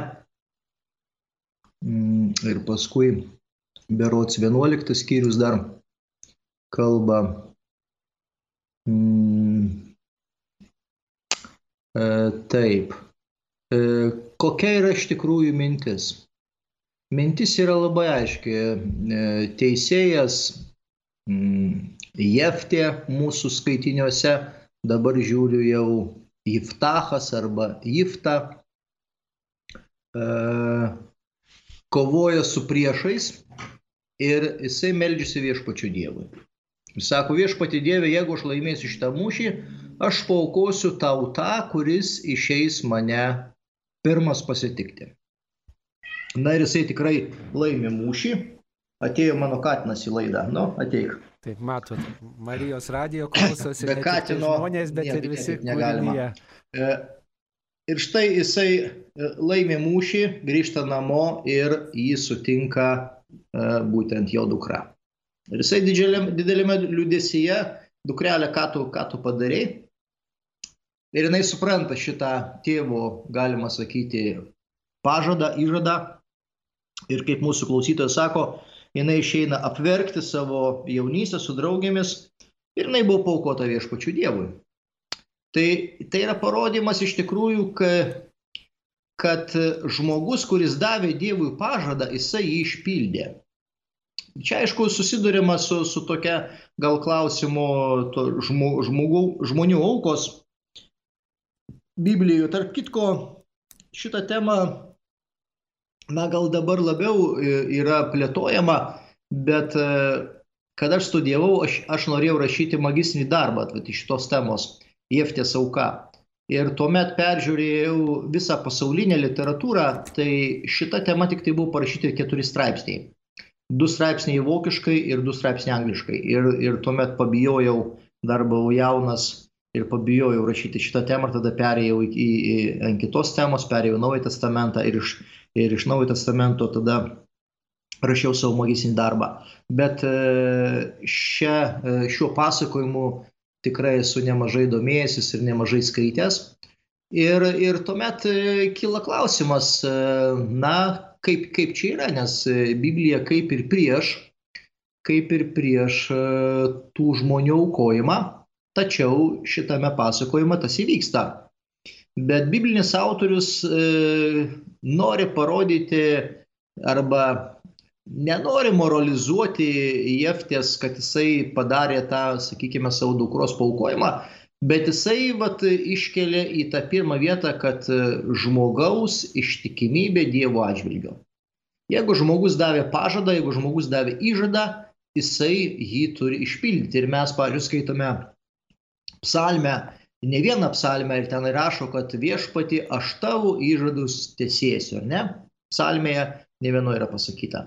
Taigi svarbiausia tame žmogaus gyvenime tiesėti Dievo įžadus. Tiesėti Dievo įžadus. Na, biblinis autorius iš tikrųjų nepagiria Jefties, kad jisai tą padarė, kad jisai paukojo savo dukterį. Bet, bet čia yra tas toksai antrailis galbūt e, faktas.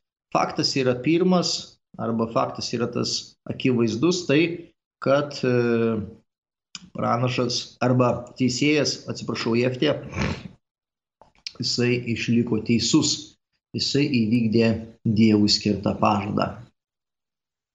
Taip, tai ačiū Jums už atsakymą. Dabar dar vienas klausimas yra apie, e, apie kunigų knygos vieną ištrauką. E, kunigų knygos 19 skyrius nuo nuo 19 iki 19 eilutė tiksliau, 19 skyrius, 19 eilutė. Laikykitės mano įstatų, nekerkite savo galvijų su kita rūšimi, nesiekite savo dirboje dviejų sėklų rūšių, nenešiokite drabužio pasiūto iš dviejų audeklų ar katalikui reikia laikyti šito įsakymo, ar iš tiesų negalima nešioti e, iš lino ir kito audeklo e, pasiūto drabužio. Na čia turbūt e, mes nesusidurime su kažkokia tai teologinė mintimi, mes čia susidurime labiau su tokia būtimi tai tuomet visada užduodame klausimą, na, ar, ar, tai, ar tai ką nors keičia, ar, ne, ar, ar tai ką nors mums duoda. Nes mes na, turime žiūrėti, tarkime, na, ypatingai Seną testamentą, kad tai būtų, na, kažkokia tai teologinė mintis, ta vedamoji mintis. Jeigu mes čia dabar pastatytume na, dekalogą, tai mes tada galėtume diskutuoti, bet dabar šitas paprotys čia, nes, nes yra šventame rašte e, įstatymai keletas rūšių. Yra įstatymai, kurie išplaukia iš Dievo, tai yra dieviškiai įstatymai, ir kurie yra žmogiškiai įstatymai, kurie išplaukia iš žmogaus tradicijos. Tai va šitas, šitas posakis, ar ne 19 eilutės, tai yra būtent išplaukiantis iš žmonių tradicijos, kad laikysitės mano įsakų, nekerksi savo galvijų su kita rūšimi, nesėsi savo dirboje dviejų sėklų rūšių, nenešiosi drabužio pasiūto iš dviejopo audiklo. Tai liečia tie įsakymai, kurie yra įvilkti e, į dieviškus, tačiau tai yra būtent tie m, tokie, galima sakyti, tik liečiantys žmogiškąją būtį. Tai mes dabar, na, būtų galbūt klaidinga sakyti, kad mes privalome dabar laikytis e, taip raidiškai, literaliai štai šitos eilutės. Nes, e, na, jinai po savimi neslėpia kažkokios tai teologinės minties. Tai yra paprasčiausiai kažkoksai tai poelgis, elgimosi forma. Galbūt jinai buvo įtakota tuometinės kultūros, tuometinio laikmečio arba tuometinės aplinkos. Taip, Jono Evangelijos šeštajame skyriuje, 44 eilutėje rašoma, niekas negali ateiti pas mane, jei mane pasiuntęs tėvas jo nepatraukia. E, a, kaip suprasti žmogų, žodį patraukia? Ar tikėjimas, netikėjimas yra žmogaus valioje? Taip, taip, niekas negali ateiti pas mane, į mane pasiuntęs tėvas jo nepatraukia. Ir aš, ir tą aš prikelsiu paskutinėje dieną. Na, va, tas žodis mm, naudojamas e, elko hebrajiškai, e, graikiškai, atsiprašau. Tai yra kalbėjimo toksai būdas, kad patraukia, na, galbūt e, priartina, bet mes galėtume gal pasižiūrėti į žodyną, gal kažką tai mums čia daugiau pasakys tas mūsų žodynas, jeigu pavyks kažką tai mums būtent surasti tą. Žiūrime į žodyną ir kokios yra būtent reikšmės to žodžio elko. Vilkti, traukti, temti, vežti, ištraukti, nutraukti, išgauti, traukti, gerti ir taip toliau.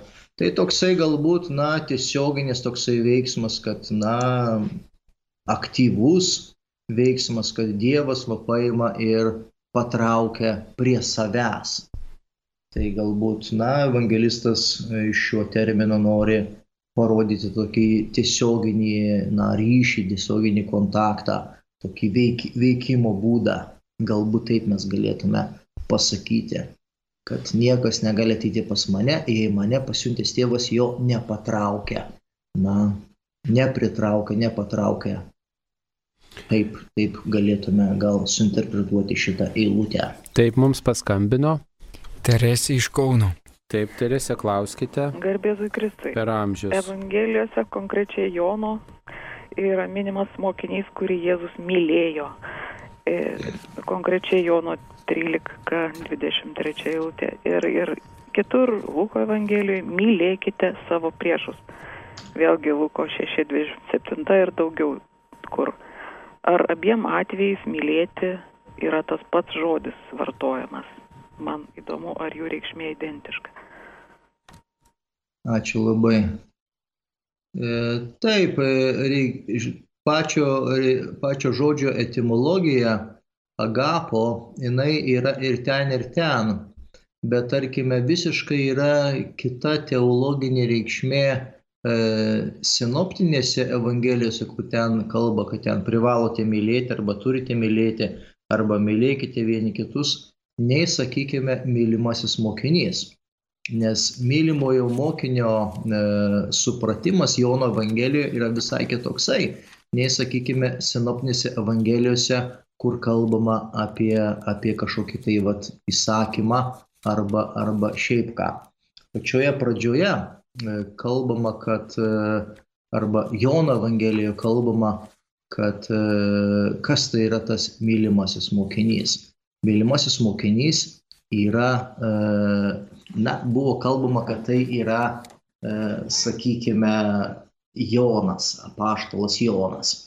Bet e, dabartiniai mokslininkai kalba, kad vis dėlto e, tai yra mokinio prototipas. Tai yra kiekvieno krikščionio prototipas būti mylimu mokiniu. Tai yra, na, tobulas mokinys, e, link kurio esame visi pakviesti. Ir, ir dėl to e, štai yra tokia simbolika to mylimo mokinio. Tai galbūt toksai būtų atsakymas. Taip. E, Paulius netikėjo į Kristų ir net persekiojo jo bažnyčią. Lengva jam įtikėti, kai Kristus jam apsireiškia asmeniškai. Tokiu būdu ar teisinga Dievui pasmerkti netikinčių žmonės amžinąją mirtimi? Mhm, dar kartą gal tą klausimėlį, nes toksai. Nu, Kristus apsireiškė Paulių, dėl to jisai tikėjo, tačiau daugeliu žmonių Kristus neapsireiškė, ar teisinga, e, kad štai tie netikinti žmonės bus pasmerkti. Mes turbūt nežinom, koks tas netikinčiųjų žmonių likimas bus. Mes negalim sakyti, kad jie bus pasmerkti. Neaišku, dėl kokių priežasčių jie netikėjo. Turbūt taip reikėtų sakyti, ar jie neieškojo tiesos, prasmės, ar atstumė viešpati, kokia ta netikėjimo priežastis. Bet dabar šitą O tai prie ko čia tas e, apsiriškimas Pauliaus? Nu tai pagalba įtikėti, turbūt taip klausytojas nori suprasti. Nes, nes na, turbūt ne tau, kunigi Sauliu, ne man neapsireiškia Jėzus Kristus, bet kažkaip tai tikime. Nebūtinas tas apsireiškimas toksai kaip apaštalui Pauliui. E, čia, tik, čia yra, na, toksai galbūt išskirtinis, išskirtinis kaip ir Abraomui apsireiškė, kaip ir Pauliui apsireiškia, kaip kitiems ten asmenims apsireiškia Dievas, na, kurie tenai darė tam tikras e, išganimo istorijos įvykius, kažkokius dalyvavo mes. Mes irgi dalyvaujame istorinėse įvykiuose, nematę to e, teofanijos arba ten Dievo apsireiškimo. Taip, ką reiškia žodžiai nebarstykite perlų keuliams? Na, va, irgi yra ta perifrazė, ar ne, čia yra na, tų antikinių kultūrų posakis, ar ne, kad e, neverta, neverta na, duoti e, kažko tai labai vertingo, jeigu tas žmogus e, na, neturi to, tos brandos, to supratimo, galima sakyti, ar ne, mes turime duoti žmogui vertingą dalyką arba, arba netgi skelbti ir tikėjimą, jeigu tas žmogus yra pasiruošęs. Štai čia galima ir per tą prizmę interpretuoti. Ir tarkime, mes norime, kad visi įtikėtų, mes norime, kad visi būtų bažnyčios nariai, bet mes taip pat turime suprasti, kad na, tie žmonės turi būti pasiruošę priimti tikėjimą. E, turi būti atviri, tai mes turime po truputėlį mažai žingsniais tą žmogų traukti link tikėjimo. Tai vat, e, tas gali būti posakis nebarstyti perlų keuliams, tai reiškia, kad kažkokiu tai vertingų dalykų, vertingų idėjų, vertingų minčių bet kam nekalbėti ir nesakyti ir bet kur. Bet tam turi būti, na, ir kita pusė pasiruošusi. Taip, Luko aštuntas skyrius, šešiolikta eilutė. Šešioli, nuo 16 iki 18, tiksliau gal 18 eilutė. Kas turi tam bus duota, o iš neturinčio bus atimta ir tai, ką jis tarėsi turys. E, ką tai reiškia? Luko 8 skyrius. E, Luko 8 skyrius, 18 eilutė. Aha. Ir mato čia turbūt 13 e, skyrius 12 eilutė. E, taip, kas turi tam bus duota, o iš neturinčio bus atimta ir tai, kas, ką jis tarėsi turys. Mhm. Ir čia turbūt yra kalbama, kalbama apie sėjėją. Čia yra toksai didesnis e, pasakojimas ir paskui autorius kalba sekantis pasakojimas apie žiburo šviesa. Nei vienas uždega žiburį nevožė jo indų ir nekiša po lovą, bet stato žibintuvą, kad ateinantys matytų šviesą. Nėra nieko paslėpta, kas nebūtų atskleista, nieko slapta, kas nepasidarytų žinoma ir neišeitų aikštėn. Tad žiūrėkite, kaip klausotės kas turi tam bus duota, o iš neturinčio bus atimta ir tai, ką jis tarėsi turys. E, šiaip Luko Evangelija, jinai turi tokį e, literatūrinį žanrą, e, kuris, na, yra sudarytas iš tokių trumpų Jėzaus posakių. Ir čia mes vat, e, šitoje vietoje jaučiame tą, galima sakyti, šaltinį kų arba Jėzaus e, ta, tas pasakytus žodžius, kurie vadinasi Jėzaus e, logijos. Ir, ir e, čia mes matome, kad tas, vat, ta perikopija 16, 17, 18 eilutė, jos yra sudarytos iš tam tokių pavienių žodžių, kurie paskui buvo sujungti į visumą. Ir šita 18 eilutė kalba apie tai, kad jeigu žmogau, žmogus turi priimti iš, iš Dievo tą dovaną, iš Dievo malonę. Ir jeigu jisai jos nepriima, tai iš jo dar bus ir pareikalauta, iš jo bus ir dar paimta.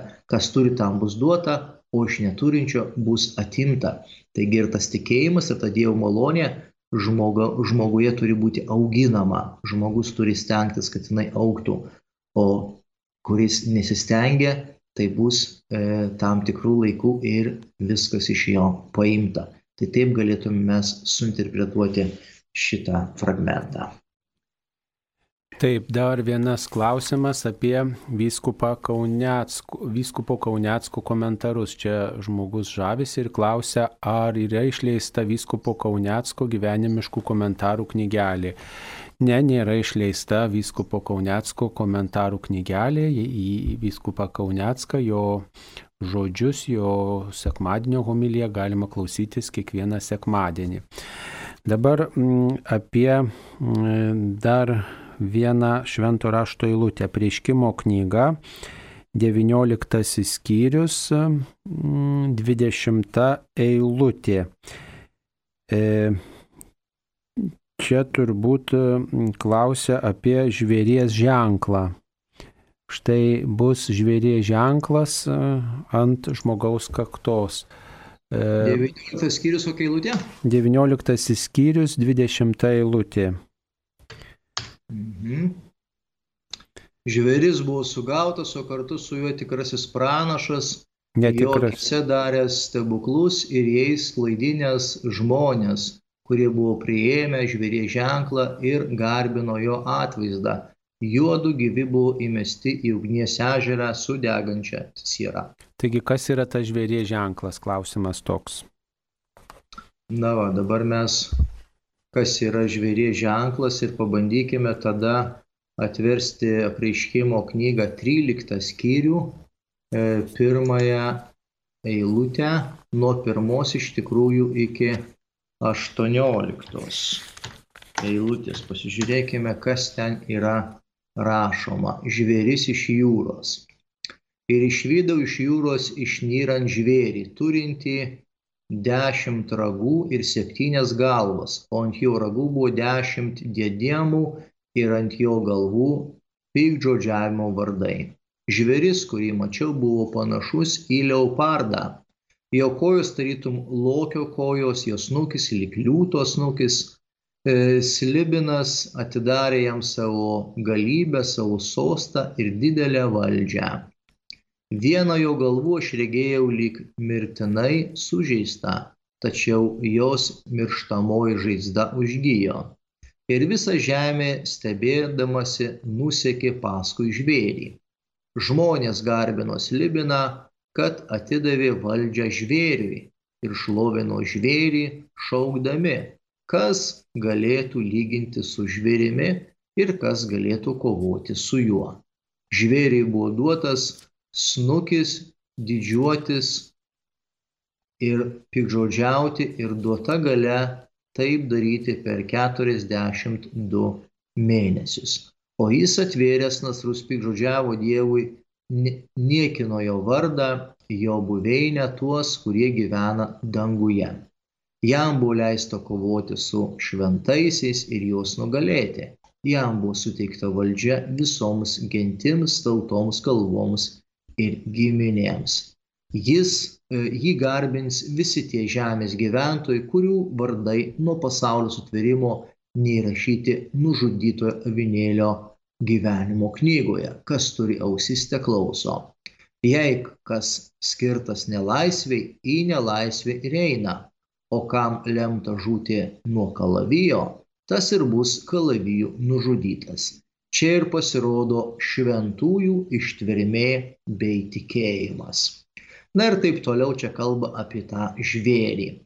Daugelis iš tikrųjų švento rašto kritikų kalba, kad e, tai yra būtent Romos imperija. Romos imperijos būtent simbolis. Taip, dabar e, kunigas turi priimti atėjusį svečią, kadangi jis dabar yra klebonijoje, Vilkijoje, tai mes dabar pamėginkime atsakyti mm, į dar vieną klausimą, kol kunigas pasikalbės su atėjusiu lankytoju.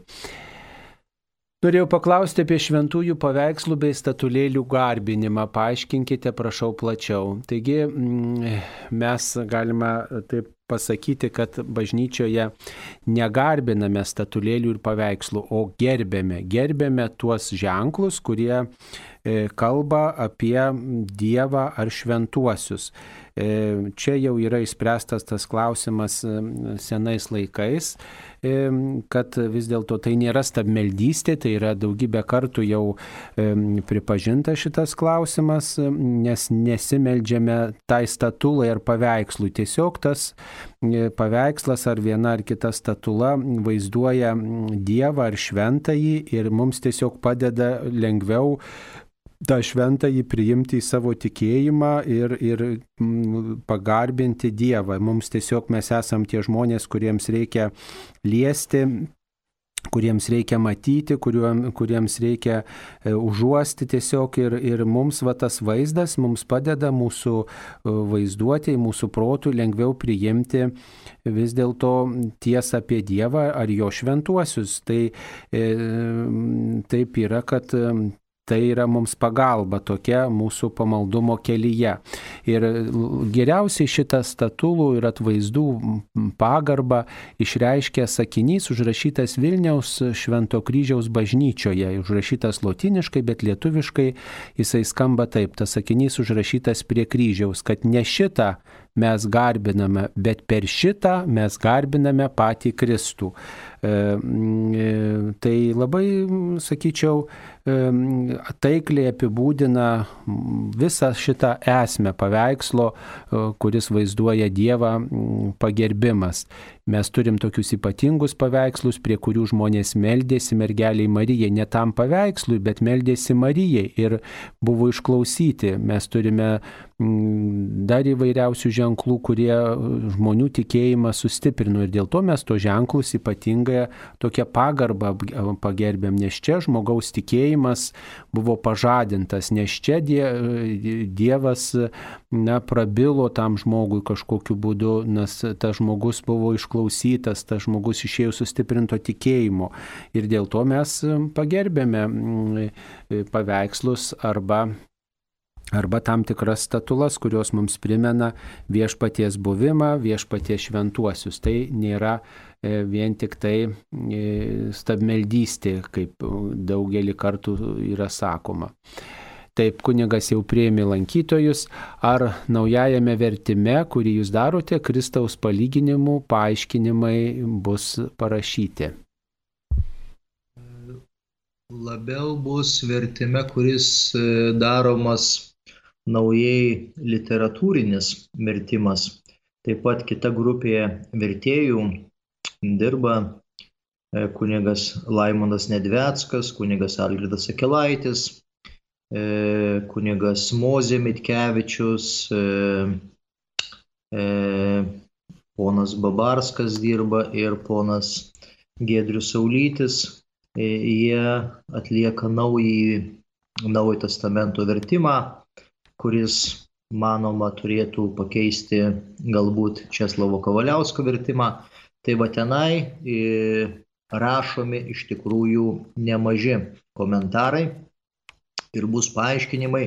Mano vertime tik tai bus paaiškinimai, kurie liečia tam tikras filologinės e, analizės, tai filologinės struktūras, kažkokia tai žodžio reikšmė, kažkokia tai gramatinė forma, E, kažkokia tai nuoroda, tai grinai bus toksai mokslinis, galima sakyti, veikalas.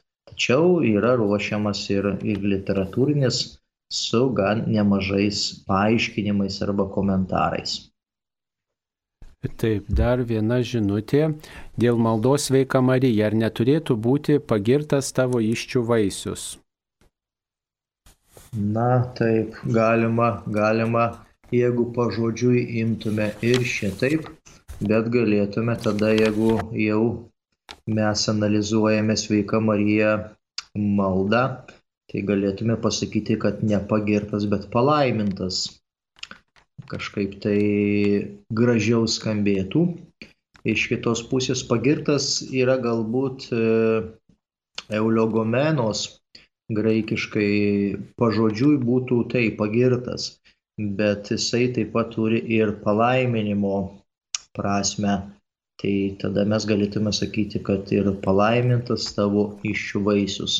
Tokia yra forma ir kai kurios kalbos E, pavyzdžiui, kad ir lengvų kalba tą iš tikrųjų turi. Tai nieko, nieko čia kažkokio tai m, sudėtingo nėra, bet mes turime savo vertimą sveik, e, maldos sveika Marija štai tokį, kad pagirtas, pagirtas naudojimas tavo sūnus Jėzus.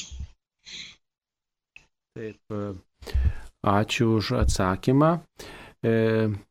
Dar apie rožinio pirmąją dalį, džiaugsmingos dalies penktoje paslaptie mergelė ir Juozapas vadinami Jėzaus gimdytojais. Ir jie nustemba išgirdę dvylikamečio Jėzaus atsakymą. O juk žinojo, kad Jėzus gimė iš šventosios dvasios. Tai kodėl jie nustebo ir kodėl jie vadinami Jėzaus gimdytojais? Dar kartą kunigė pa, užduokit tą klausimą, Mari, nes kažkaip tai. Marija čia... ir Juozapas vadinami Jėzaus gimdytojais ir jie Ta. nustemba išgirdę, e, išgirdę atsakymą iš, e, mm, Jėzus, iš Jėzaus. Taip. taip. Čia Luko Evangelijoje. Taip, taip jie žinojo, kad jis iš šventosios dvasios, tai kodėl nustemba ir kodėl uh, jie vadinami Jėzaus gimdytojais. Kas nustemba? E, nu, nustemba tėvai, e, gimdytojai, Juozapas ir Marija, kad vaikelis pasi, e, pasilieka šventykloje. Jie gal nustemba, kad ten kalbama apie tuos E, likusius asmenys šventykloje, kad jie buvo nustebę Jėzaus išmintimi, bet ne gimdytojai, nes gimdytojai kažkaip tai man galvoje nelabai, kad gimdytojai nustemba. Marija dėmėjusi visus tuos žodžius. Tai taip, Marija dėmėjusi tuos žodžius, bet, bet ten yra labiau kalba apie apie Jėzaus, va būtent apie Jėzaus tą va. Mes turime antrąjį skyrių, e, pabandykime paskaityti, paskaityti va štai nuo 42 eilutės. Kai Jėzui sukako 12 metų šventės papročių, jie nuvyko į Jeruzalę. Iškilmiams pasibaigus ir jiems grįžtant atgal, Vaikas Jėzus pasiliko Jeruzalėje, bet gimdytojai to nepastebėjo. Manydami jį esant keleivių būryje, jie nuėjo dienos kelią. Paskui pradėjo ieškoti jo tarp giminių bei pažįstamų. Nesuradę grįžo jo beieškodami į Jeruzalę. Pagaliau po trijų dienų rado jį šventykloje, sėdinti tarp mokytojų besiklausantį jų ir juos beklausinėjantį. Visi, kurie jį girdėjo, stebėjusi jo išmanimu ir atsakymais. Tai štai va čia, va 47 eilutė kalba, kad tie šventyklos, e, šventyklo esantys žmonės, matydami ir klausydami Jėzų, iš tikrųjų stebėjosi jo išmanimu ir atsakymais. Ir tuomet 48 eilutė jau kalba reakcija tėvų. Pamatę jį gimdytojai labai nustebo ir jo motina jam tarė, vaikelė, ką mums tai padarėjai. Štai tavo tėvas ir aš su sielvartu ieškome tavęs. 48 eilutė pamatė įstebėjusi ir tarė ją motina jo vaikė, kodėl padarė mums taip, štai tėvas tavo ir aš su skausmu ieškome tavęs. Tai štai tas, tas stebėjimasis tiek 47 eilutėje, tiek 48 eilutėje yra stebėjimasis Jėzaus atžvilgio. Na ir tuomet Jėzus sako, kamgi manęs ieškote, argi nežinojote, kad man reikia būti savo tėvo reikaluose. Bet jie nesuprato jo žodžio. Taigi čia e, Luko toksai evangelinis e, naratyvas vis dėlto kalba, kad Jėzaus ta tikroji vieta, Jėzaus e, būtent, na, galima sakyti, na, svarbiausia vieta tai yra Jeruzalės šventykla. Ir jau nuo tos vaikystės jisai parodo savo kelią, kad jisai, jo misija, jo kryptis yra Jeruzalės šventykla. Ten iš tikrųjų jisai turi e, atlikti Dievo darbą, ten kentėti. E, bet aš čia nematau to paklausėjo, kas liečia tą šventąją dvasę. Kunigė Sauliau, kokia dabar yra aliuzija į šventąją dvasę kad tėvai turėjo šventąją dvasę ar kad Jėzus turėjo šventąją dvasę ir jisai e, čia šventojoje dvasioje visą tą atliko.